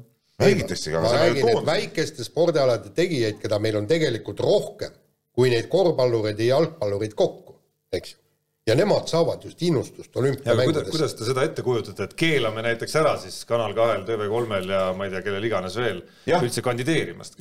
mis mehhanismiga see käib? Eh, vaata, meil on siin eh, populaarne Kaja Kallas tuli ka mingisuguse täieliku sogaga välja mingi valge raamatust või sa... ühiskondlikust kokkuleppest. meil on saanud ühiskondlik kokkulepe, keegi ei noki seda asja. saate just. algul sa olid eh, suur advokaat Ke..., et nii-öelda õigus meelt avaldada näiteks peab olema, aga nüüd sa tahad mingeid teistsuguseid ettevõtlusvabadusi piirata. ma räägin, et see peaks olema ühiskondlik kokkulepe, keegi ei noki seda teemat. aga miks Kanal kaks peaks sellega nõustuma, kui nad näevad kasvu? nad olla Eesti mehed ju. Eesti mehed tahavad olla või ei taha või? või tehku siis nii, nagu ERR teeb see, saatku mehed kohale sinna, tead näe mis on? ja, ja, ja valgesse raamatusse panna, et kui sa saad olümpiamängud endale, sa ei tohi seal lasta reklaami, eks ju, sa pead oma kambad sinna kohale vedama. teine variant on see, et, et riik maksab reklaamikohad kinni. no just, jah ja mina olen küll sellega nõus. minu, minu, palun, minu maksumaksja rahast, palun Lähme edasi. Nonii, järgmine teema ja meestespetsialist Jesper Parve, endine korvpallur, võttis kätte, kirjutas Andres Sõbrast äh, raamatu ja see, see raamat, ma kujutan ette, sellest saab täielik hitt. ei, kindlasti ma, ma juba ootan kannatamatult, et, et millal seda lugeda saaks ja, ja noh, juba sealt oli siis üks näide, kui see sõber räägib natukene endast ja kui ta ütleb, et, et tean, et mõned mehed käivadki ainult mind saalis vaatamas. Nad võtavad oma õlled ja küüslauguleivad kaasa ja istuvad mulle pingi taha. kossustan midagi ei tea, aga polegi vaja, nemad tulevad vaatama teatrit, kus peaesinejaks on Andres Sõber. aga nii ongi ju. see ongi, see ongi etendus ju. see ongi show ju. See, see on see on üks, üks element selle mängu juures, on ka see treeneri ütleme, olek seal ja Andres Sõber mängib seda väga hästi välja. aga mul hea meel, et see raamat tuleb, et, et keegi selle ette võttis, tead, mul oli kunagi Andres Sõbraga juttu sellest, et et no ma just mõtlengi, et kus, kus nüüd siis Jesper Parve ei, selle ma, ma, ma, ma, ma räägin sulle, meil oli sellest juttu, aga, aga ma, ma leidsin, mul ei ole aega seda teha, see oleks, ei oleks lihtsalt olnud võimalik, ma pean millestki loobuma sel juhul. ütleme niimoodi. kas tööst või, või, või treeneri tööst või, või ühest kahest pean loobuma selleks. ütleme niimoodi, et, et kui ma ju Kristiina raamatut tegin, ma olin ju pool aastat palgata puhkusel ja, seda niimoodi ei saa teha, jah? jah, ja praegu seda võimalust siin, siin, siin ei ole. no nagu see elaja sära või mis need toetused on? no Märt kirjutas ju Aavo keeleraamatu ka sel ajal ei, ei, ei töötanud ju. vaata, see küsimus pole isegi rahas küsimus pole mitte rahas, nagu sa ütled, et ela ja sära, eks. et no, küsimus pole ei, no siis, kui sa ja. ela ja sära toetust, näiteks seda toetust saad, siis sa põhitööd võtad vabaks selleks. ei, aga, aga kes siis selle, aga kes teeb? no aga sa pärast võtad Martinsoni tagasi. just, täpselt. on pool aastat ära. no Märt tuli tagasi. oota, Tarmo no,. võib-olla, no okei okay,, aga kas nüüd läheb keegi tegema raamatut võetakse uus inimene peale, kas peaks enam tagasi võtma, kas Jaani suust vanamehe nässi näiteks? just täpselt. peaks võtma tagasi. no vaata teda nüüd. no ikka tuleks võtta. mina küll ei võtaks nii. nii, aga ei, selle lause vastu ei ole küll midagi vaielda, olen isegi oma elus eh, nii Andres Sõbra puhul kui ka tegelikult nii mõnegi muu treeneri puhul valinud istekohta saalis just selle järgi, et, eh, et ema-kumma treenerile no,, ema, emale-kummale treenerile lähemal olla, noh eriti Eestis, kus ütleme, saalid ei ole nagu nii täis, et päris tihti on võimalik äh, väga hästi valida seda kohta seal. Allan Torbek näiteks, kelle pingi taha treenereid on, neid treenereid on kahtlemata küll, kelle pingi taha tasub ennast aeg-ajalt sättida ja. ja kindlasti Andres Sõber kuulub äh, sellesse valikusse. ei no vaata, kui me räägime nüüd suurest korvpallist, võta Jassikjavitsust, loomulikult tahaks tema pingi taha ka olla, noh -hmm.. seesama see, mis siin ka viimane see, kus ta seda Schmidtsi seal tuuseldas, eks ole, ja, ja no ta on siin ikka möllanud ikka kõvasti, seda kõike on tore lähedalt vaadata ju. Noh. ja kuigi minu arust on seal nagu teine boonus veel sellisele kohale sättimises, et noh, siis sa näed seda ka. nagu meeskonna mingit keemiat ja mingit omavahelist ja. suhtlust ja, ja, ja mingeid selliseid nüansse seal, mida võib-olla muidu ei näe, telekast ammugi ei näe ja, ja saalis kaugemalt ka mitte. aga kiire vahemängu lõpetuseks äh, räägime veel natukene dopingust möödus, möödus siis kümme aastat äh, Eesti spordiajaloo ilmselt siiski suurimast dopinguskandaalist ja selle puhkemisest. Äh, Delfis Eesti Päevalehes ilmus päris mitu lugu selle kohta ja ma pean ütlema, et üks nendest, mis äh, kõnetas päris kõvasti, oli intervjuu Ülle Viinapuuga, Eesti Suusaliidu legendaarse sekretäriga, kes ikkagi väga pikki aastaid väga tulihingeliselt Äh, kaitses Andrus Veerpalu, Mati Alaveri ja, ja seda, kogu seda seltskonda äh, ja, ja meeleheitlikult oli veendunud, et, et nendele tehti liiga, aga nagu sellest intervjuust välja tuli, siis äh, see uus dopinguskandaal, mis nüüd peale tuli nende samade osalistega, andis ka talle arusaamise, et, et teda on ära lollitatud. Veerpalu, Veerpalu oli nagu oma poeg, aga lollitas mu ära, Ülle Viinapuu tsitaat. ja ütleme, et, et Ülle on tõesti legendaarne, legendaarne nagu tema suhtlus. no tõesti selline suu-, kõikide suusat-, noh to, toonaste suusatajate emake, ütleme. ja, ja absoluutselt ja, ja ka ajakirjanikega väga, väga, väga, kuidas sulle öelda, reljeefselt läbisav daam, sellepärast kui sa midagi kirjutasid, mitte nii, mis talle ei meeldinud, siis said kohe telefoni kõne. aga muidu oli sõbralik. ja, ja muidu oli. aga no kui me räägime üldse sellest Veerpalu kümnest aasta möödumisest, siis me Jaaniga tegime neid lugusid ka ja, ja noor reporter Kalvet eh, ka oli meil pundis seal, et, et päris huvitav oli nagu jälle ajas tagasi ennast oh, kerida ja ma lugesin neid oma, oma vanu lugusid seal üle ja, ja ütleme, ütleme nagu need asjad tulid jälle kõik päris ehedalt meelde, kõik see periood, et see oli päris päris huvitav aeg muidugi. Noh. jah, aga vot no seal sai ju helistada Jüri Järvele ja, ja Ülle Viina poole ja kõik siis Viinapuu jälle helistab sulle, et kuradi Martinson, mida sa jälle kirjutad, mis mõttes Veerpalu dopingut pannud ja kõik nii, aga, aga mis, mis tõsise, tõelisi emotsioone andis, oli ikkagi see, et, et noh, Ülekene hakkas, hakkas seal intervjuu ajal tõesti, pisarad tulid silma, sellepärast et see oli tema jaoks meeletu pettum, pettumus, et Andrus Veerpalu seal ja eriti nüüd ta ütles, et sellest uuest case'ist ta ei taha üldse rääkida. et see, see oli nii kohutav. mul on väga kahju, et äh, Jüri Järv ei soostunud tulema, kutsusin teda oma ajahüpete saatesse, et äh, just samal, samal päeval, kui see kümme aastat oli, et et oleks võinud tema meenutused minu arust oleksid nagu kõige, kõige põnevamad või huvitavamad, aga ma teisalt, teisalt nagu ma ütlesin, ma mõistan ka, miks ta ei tahtnud tulla, me rääkisime sellest kahel päeval ja ta veel võttis mõtlemisaega ja lõpuks, lõpuks ei tulnud, aga aga, aga ma arvan, et, et küll ta ükskord nagu oma need jutud ära räägib, et kuidas see, kuidas see asi kõik nagu tegelikult oli, et noh, kõik see noh, kuidas nad seda süsteemi seal ette valmistasid ja ma just mõtlen seal mitte, mitte, et kuidas nad dopingutarvitust ette valmistasid, vaid et kuidas tema nagu oma ametikohal, vaadata nüüd peasekretäriks minnes, oskas aimatagi, et ta peab niisugust umbluu tsüklit nagu läbi tegema ja, ja, ja niisugust soga nagu ajama igal pool nagu ta ütles ka, et noh, mina tegin oma tööd, teie tegite oma tööd ja, ja nii ongi, et ega siin pole midagi, tore mees muidu ja spordimees ja kõik tipp-topp. ja, ja kui Ülle Viinapuug ütles ka, kõige rohkem ongi tal Jüri Järvest kahju, kuna ta oli ääretult professionaalne peasekretär. aga ütles, et, et keegi tuli tanki lükata ja lihtsalt tehti vennal ära, nii, aga nüüd laseme kõlli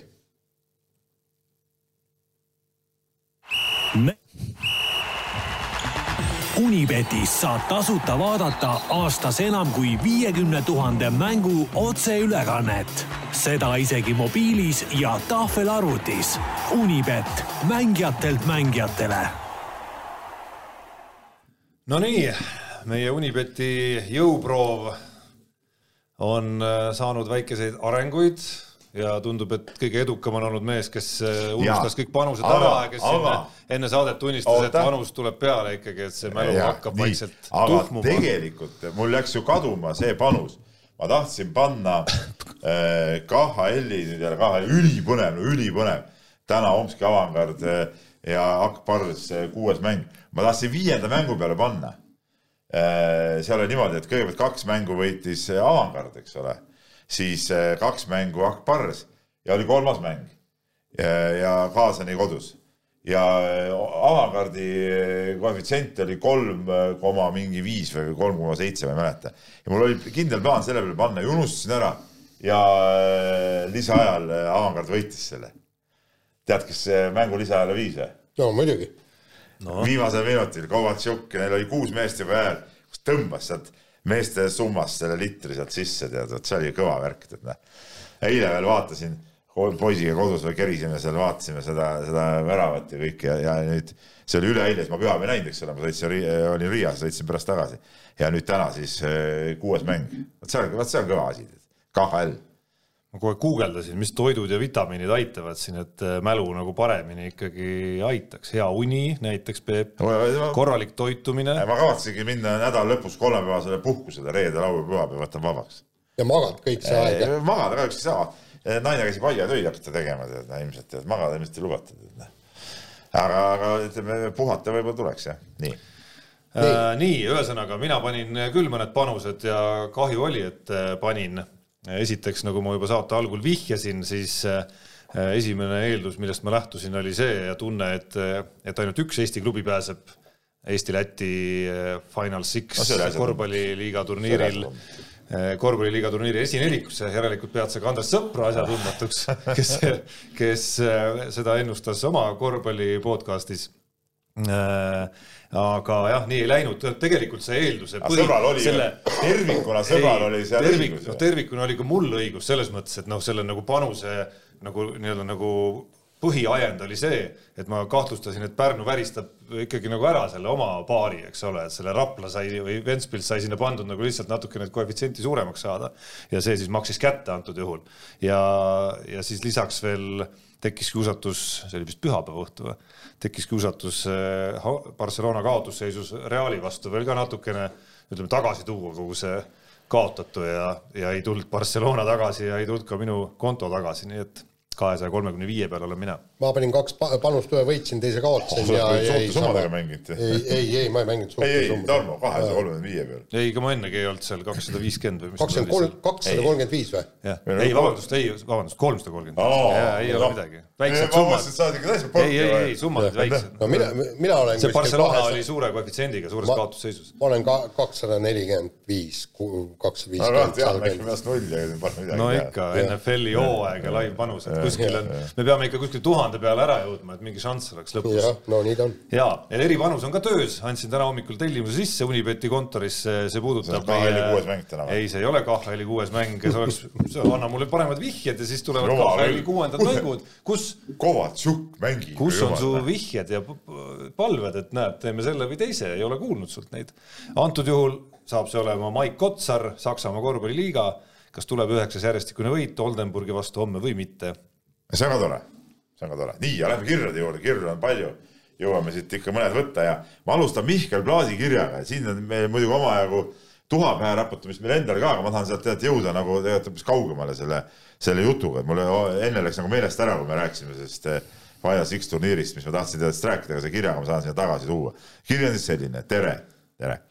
miks on nii, et koduse korvpalli hooaja tähtsamad mänge peab vaatama läbi mingisuguse hea, halva kvaliteedilise netistriimi mängul on üks kommentaator ja tedagi ei ole koha peale saadetud. mingit mänguasja stuudiot muidugi ei ole, samal ajal käib ETV-s Eesti Jalgpalliliiga põhihooaja reakohtumine superkvaliteetse ülekande ja stuudioga. kas nüüd lähebki nii, see ongi nüüd kirja põhiline osa, kas nüüd lähebki nii, et kodune korvpall muutub ajapikku amatöörlikuks ürituseks ja jalgpall muutub järjest professionaalsemaks. olgem ausad, korvpall on vist ainuke spordiala, mille ülekanded on viimase kümne aasta jooksul stabiilselt iga aastaga järjest kehvemaks muutunud. Nii. No ei, siia saab vastata mitut moodi, esimene on selline enesekriitiline vaade, et ma ei hakka või ma või me, noh, me oleme Peebuga selles paadis ja noh, ei hakka küll minema, ei hakka siin lahkama kindlasti eetris, kuidas täpselt on reguleeritud äh, ülekannete näitamise koostöö meie korvpalliliidu ja Telia vahel on ju. et äh, aga noh, ma arvan, et selles mõttes on enesekriitikaks põhjust, et et meie ja needsamad partnerid peaksime selle teema nüüd üles võtma ja, ja vaatama, kust ja mida me peaksime paremini tegema noh, et ainult veebiülekanded, sellele saab muidugi vastu vaielda, et Telias on ta ka telekanal. Teli ei ole päris televisioon. ja, ja, ja veebiülekande kvaliteeti kahtlemata saab ka nupust reguleerida, et see oleks kvaliteetsem. nii, Eestis ma siukest nuppu küll ei teadnud, et saab reguleerida. esimest korda kuulen, aga no okei okay,. see on player'i mulle... seadete täitsa tavaline nupp. nojah, tavaline inimene ei hakka midagi seal sättima. ma, ma tahan kõigepealt rääkida sellest jah, et korvpalli, nüüd ma tahan rõhutada korvpalliliitu, tähendab, et see, et eh, korvpalli eh, tsempionaadi mänge ei ole päris telekanalis, see on eh, üks suuremaid möödalaskmisi. see Telia telekanal, jah, ta on nagu televisioonis küll, aga ta on ainult ju Telia klientidel. Ütleme, need, kellel ei ole Teliat, need ei näe seda ju et, et ta ei ole nagu kõikides pakettides sees nagu TV6 või, või, või, või, või Kanal kaksteist. Telia klient oled, on ta kõikides pakettides. ei, aga kui sa ei ole Telia klient. sa oled staarman. see ei ole sa oled staarman, sul ei olegi võib-olla võimalust sinna võtta seda. selles suhtes päris televisioon on ikka päris televisioon, mis nagu levib ikka normaalsetes kohtades, et noh, kõikides nendes pakettides on ta sees olemas ja selles peaks olema korvpall. ja, ja kuniks seda seal ei ole, jääbki ta, hängubki ta ära Äh, võrreldes jalgpalliga, see on punkt üks. Ja punkt kaks ongi see, seesama see, see võimendamine ja kogu selle finaalturniiri võimendamine, ma ei räägi siin praegu ainult sellest, äh, üks asi on see tele ja see kõik värk, aga tegelikult ikkagi see nii-öelda see Final Sixi äh, promomine ka korvpalliliidu poolt jäi minu arust tagasihoidlikuks, tähendab, ei olnud seda sellist asiotaaži, ei suudetud kuidagi nagu üles kütta ja see oli ja üleüldse ei ole suudetud meie korvpalli seda võib-olla uut tõusu, mis no ütleme, see koondise mängudega noh, ilmselgelt on nagu näha, et mingi tõus nagu korvpallis on nagu tekkinud. et seda ei ole suudetud siin koduliiga kontekstis mitte kuidagi ära kasutada, mitte kuidagi ära kasutada. Ja koduliiga äh,, nii ma kirjutasin täna kommentaaris, võib-olla hooaja alguses tunduski ja me rääkisime sinuga ka seda eile, põnev ja kõik, aga praegu see on ju igav, no see on nii, nii igav, kui üldse olla saab, sada korda mängivad seal omavahel, no mida sa seal vaatadki, eks ole, mida sa seal üleski klopitad aga, aga sedagi pole tehtud, et seda üldse kuidagi üles klappida. no ma võib-olla täiendan lihtsalt punkt kolmena seda, et et väike üllatusmoment oli võib-olla ka see, et me olime ainus, samas ainus väljaanne, mis seal kohapeal oli. no see on ka täiesti naeruväärne. et, et äh, ei näinud ma siin äh, Rahvusringhäälingu suurt huvi näiteks seal kohapeal olla, kuigi see asub meist, kaugel see Riia on, kolmsada midagi. ja neil on ju kas Aavo Kaskov on seal ju olemas. ja et, äh, et ei näinud ma ei näinud ka muid väljaandeid seal kohapeal et, et selle punkti saab sinna ka lisada ja punkt neljana, noh, tegelikult eks see näitab suures pildis, ega nüüd noh, näiteks ka võrkpall koduliigana ei ole nagu nii pildil võib-olla, kui ta oli mõnda aega tagasi. noh, näitab ikka mõnes mõttes kogu see võrdlus, mis jalgpalliga Mihkli kirjas oli, kui priviligeeritud jalgpall ikkagi sellel turul nii rahalise võimekuse osas kui ka siis sellesama äh, väljundi näol, mille nad on noh, sisuliselt ostnud endale Rahvusringhäälingus ikkagi, milleks ei ole võimelised teised alaliidud lihtsalt.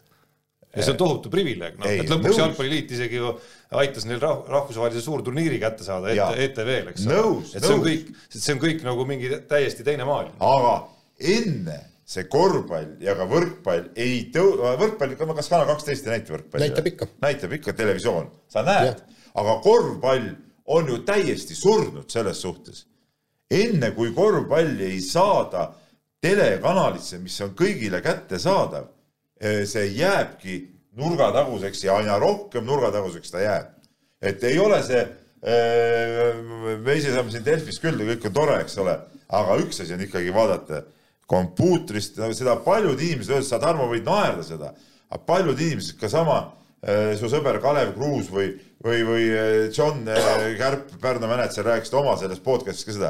no kui ma pean hakkama juhtmetega seal pässerdama, et seda asja selleks ei ole juhtmeid vaja lihtsalt, ma ütlen vahel ei, ma ei naera, ma pole naernud kunagi selle üle, Peep. sa alati naerad mulle, et see, et sa vaatad telekast, mul on kõik telek, ma rääkisin, ma ostsin selle Viaplay jaoks äh, teleka, et kõik on nagu olemas. ikkagi ma seda Delfit iga jama on sinna peale saada, seda leida sealt, see ei ole mugav, noh, see ei ole mugav ja ma ei viitsi jamada siukse asjaga, siis ma üldse ei vaatagi parem seda. no aga siis pead Telia kliendiks hakkama. mina olengi Telia klient, mina näen seda, ma räägin üleüldiselt praegu, et noh.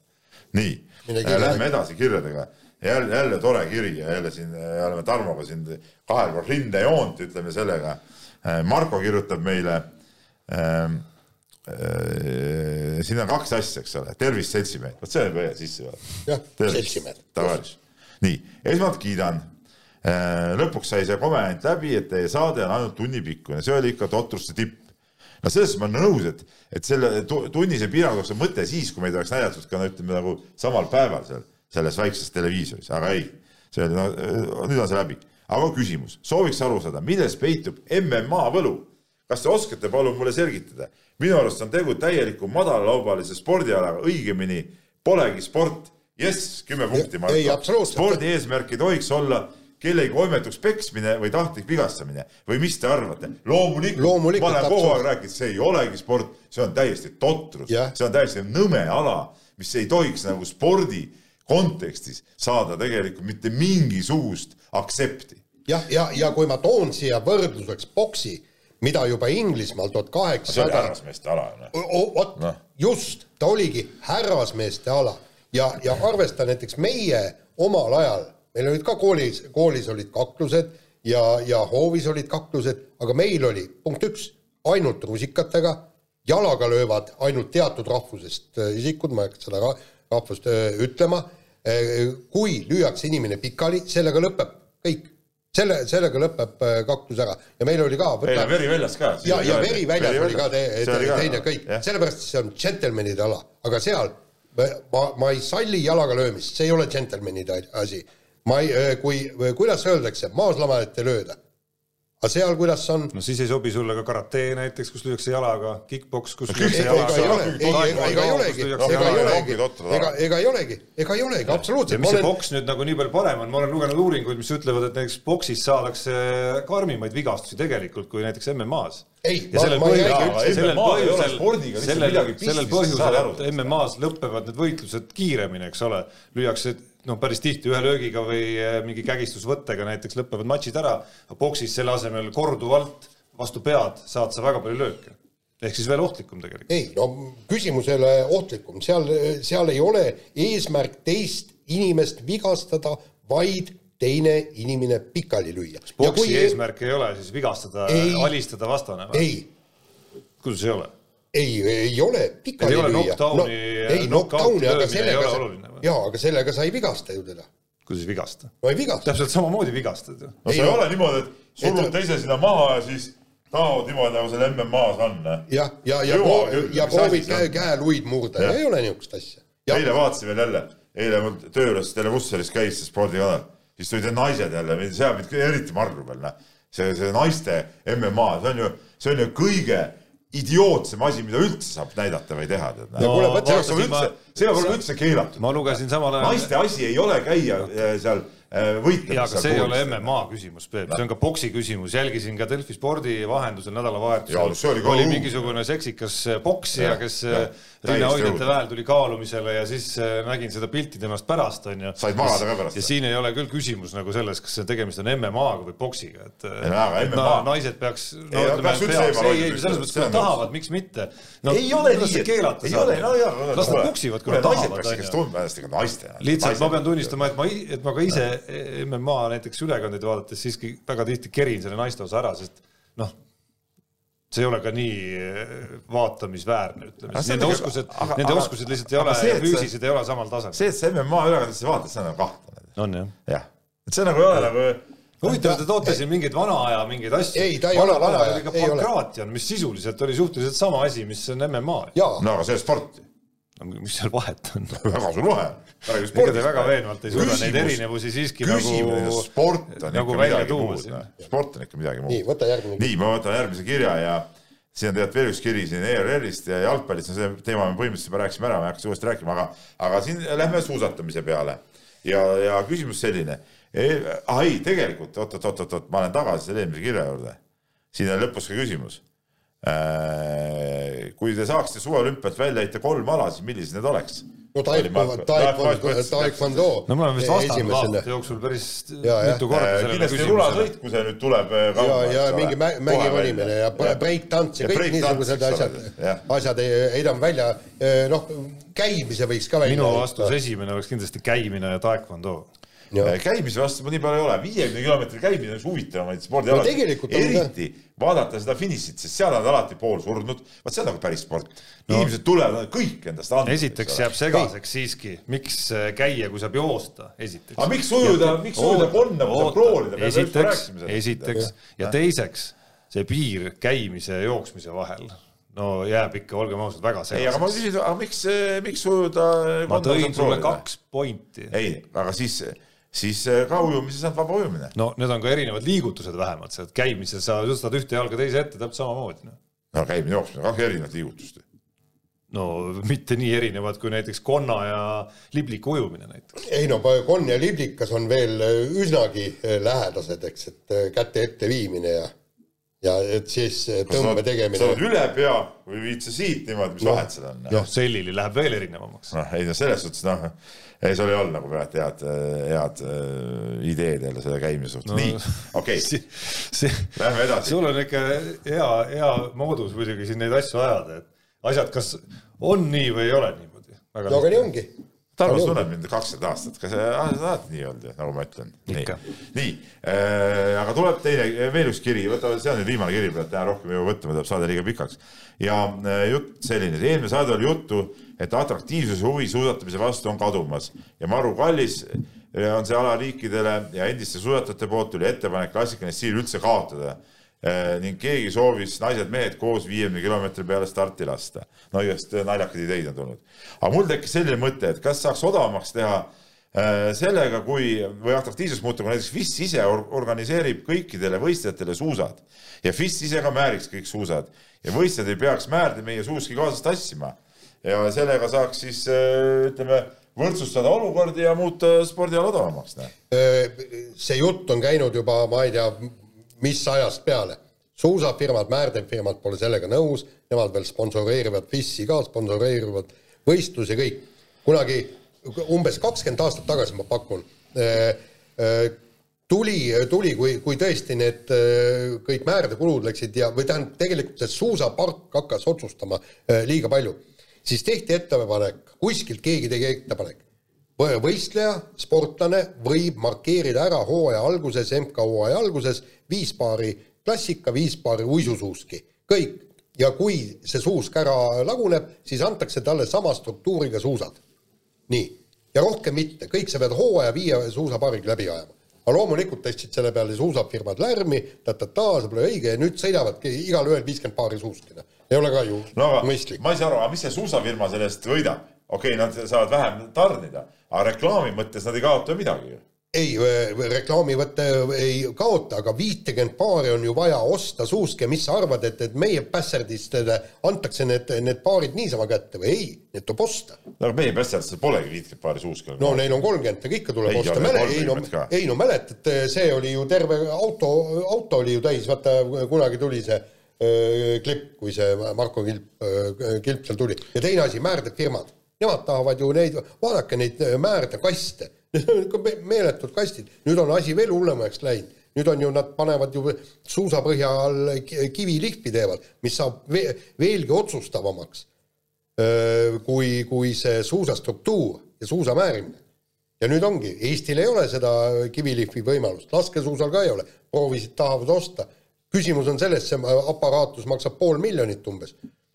aga öö, spetsialist maksab sellele sa pead maksma viis, kuus, seitse tuhat eh, eurot kuus.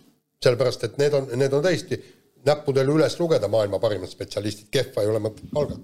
et see on tegelikult see, kuidagi tuleks lahendust leida, see on nii kallis sala kujutad ette, sõidetakse, no kujutad ette, kui, kui, kui meil oleks ka näiteks neli sportlast, kümnevõistlejad, neil oleks mingisugune pagana sussibuss tuleb, tead, suur kõik, et kus kohas keeratakse, teritatakse erinevaid naglisid ja sul on kõik seitse venda, kes jooksevad ümber sportlaste, ümber nelja sportlase, nagu MM-il on.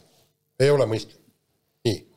lõpetame saate ära. lõpetame saate ära. Kõik või? ja kuulake meid järgmine kord. tund üheksateist, see on jälle liiga palju, nii pikka saadet ei tohi teha. mehed ei nuta saate tõi sinuni Unibet, mängijatelt mängijatele